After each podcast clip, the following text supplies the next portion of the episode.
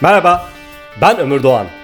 Öğrenme öğrenme, yaratıcılık ve daha fazlası için bir ömürlük içerikler paylaştığım podcast yayınıma hoş geldiniz. Yeni bölüm başlıyor.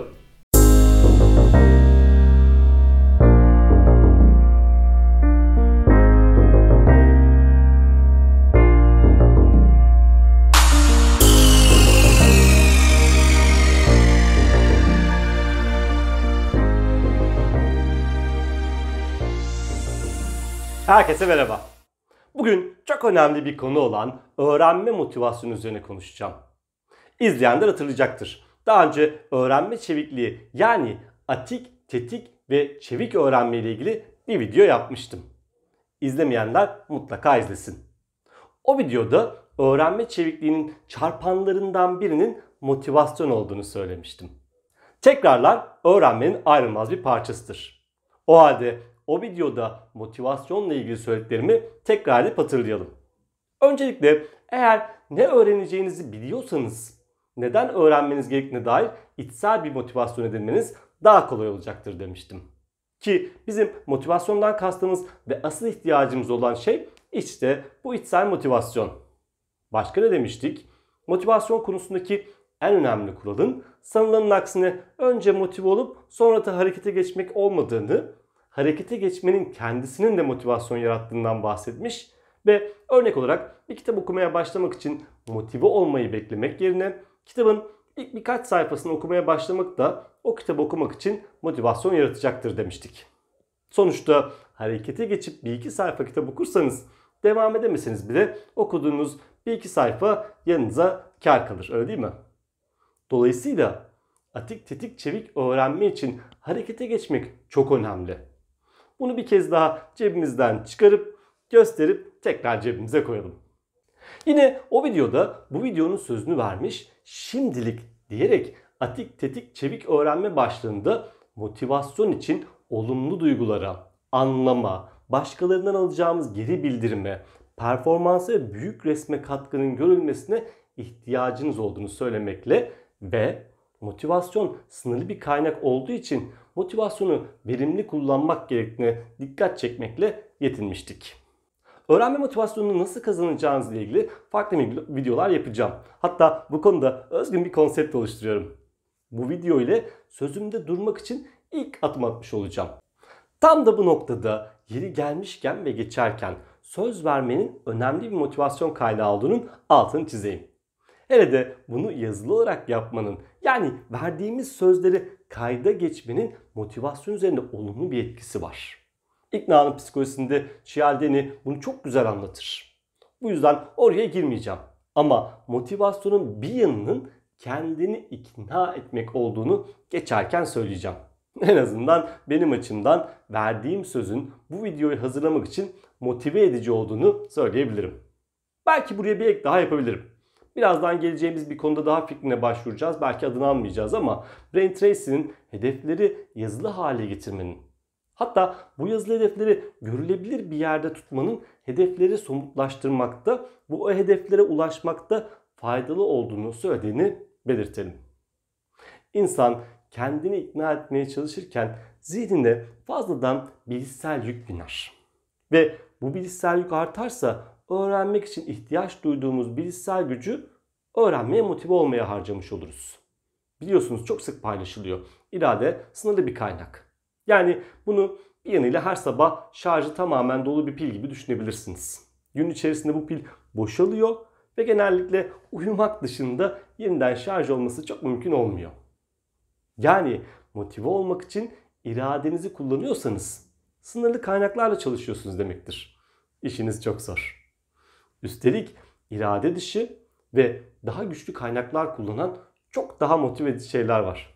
Neler mi? Mesela sosyal medyada ulaşmak, bir dizi izlemek, YouTube'da ya da TikTok'ta videodan videoya atlamak, telefonda saatlerce konuşmak. Daha sayılabilir. Böyle bakınca iki sonuç çıkıyor ortaya. Birincisi, öğrenme motivasyonu için iradi çabayı çok dikkatli bir kaynak olarak kullanmalıyız.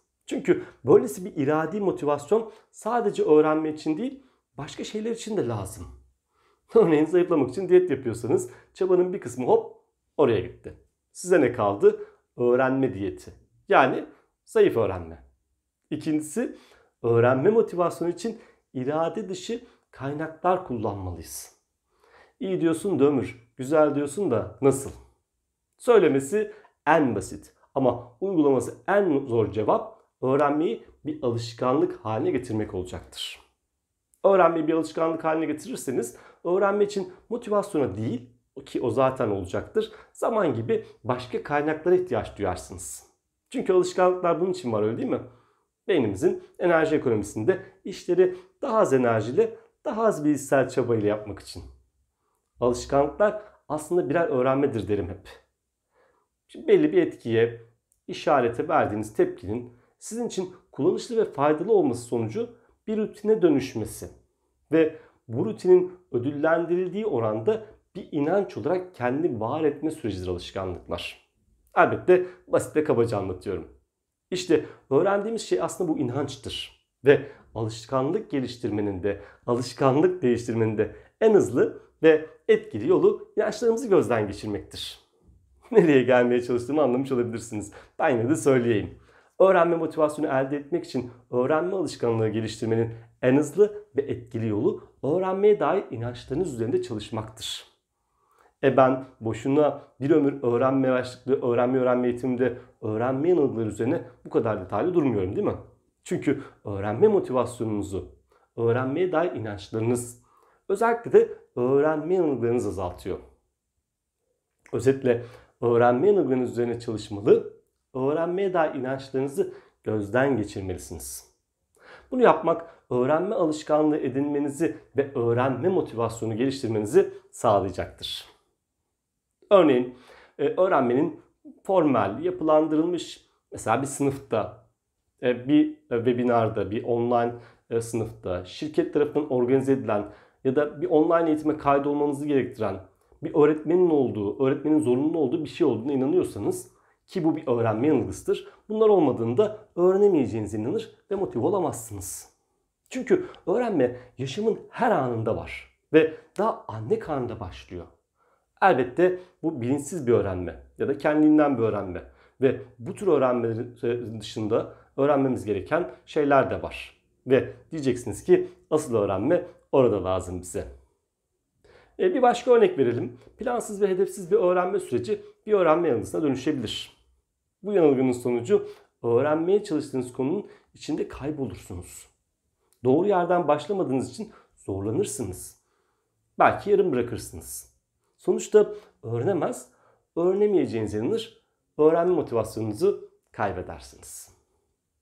Şimdi süreye bakıyorum. Öğrenme motivasyonu konusunda ikinci hatta üçüncü videoyu yapmam gerekecek gibi görünüyor. Bu yüzden öğrenme motivasyonu nasıl kazanırız sorusuna devam ederek cevaplarım arasına bir madde daha ekleyeyim ve bitireyim. Öğrenme motivasyonu deyince en temel olarak içsel bir motivasyondan bahsettiğimi söylemiştim. Peki içsel motivasyon kaynakları neler? Alışkanlık oluşturma sürecinde faydalı ve kullanışlı olmak şeklinde iki içsel motivasyon kaynağından bahsetmiş olduk. Yani bir şey faydalı ve kullanışlıysa, hele de bu faydayı kısa vadede görebiliyorsak öğrenme konusunda içsel bir motivasyona sahip olmak daha fazla mümkün. Örneğin diyelim ki önünüzde kurulmak üzere bekleyen bir IKEA kitaplığı ve yanında da kurulum kılavuzu var. Bu kılavuzda yazılanları öğrenmek faydalı ve kullanışlı olduğu için alır o kılavuzu okur ve kurulumu yaparsınız. Yani böylece öğrenmiş olursunuz. Ya da diyelim ki bir arkadaşınız gelip size Excel'de bir saatte yaptığınız bir işi düşey gibi bir formülle 5 dakikada yapacağınızı söyledi. Hatta bunu size öğretmeyi teklif etti. Burada kullanışlı ve faydalı bir bilgiyi öğrenme motivasyonunuz çok yüksek olacaktır. E, şimdilik burada duralım demiştik. Duralım. Öğrenme içsel motivasyon kaynakları olan haz, umut, sosyal kabul, merak, ilgi, değer ve anlam gibi kaynaklara her birini detaylıca örnekleyeceğimiz bir başka videoyla devam edelim sonra. Bitirirken sözü yine size bırakacağım. Sizin öğrenmeye dair içsel motivasyon kaynakları neler peki? Bunları neler eklemek istersiniz? Hadi yorumlara yazın lütfen. Bu içeriği kullanışlı ve faydalı bulduysanız beğenin ve sevdiklerinizle paylaşın lütfen. Böylece kullanışlı ve faydalı bulduğunuz içerikler için beğen tuşuna basmayı alışkanlık haline getirebilir. İçerik üreten insanların daha fazla üretmek için içsel motivasyon geliştirmesine katkı sağlayabilirsiniz. Ha bu arada maksat elinize alıştırmak olsun ve elinize alıştırmak için hala YouTube kanalıma abone değilseniz abone olmayı da unutmayın lütfen. Hoşçakalın.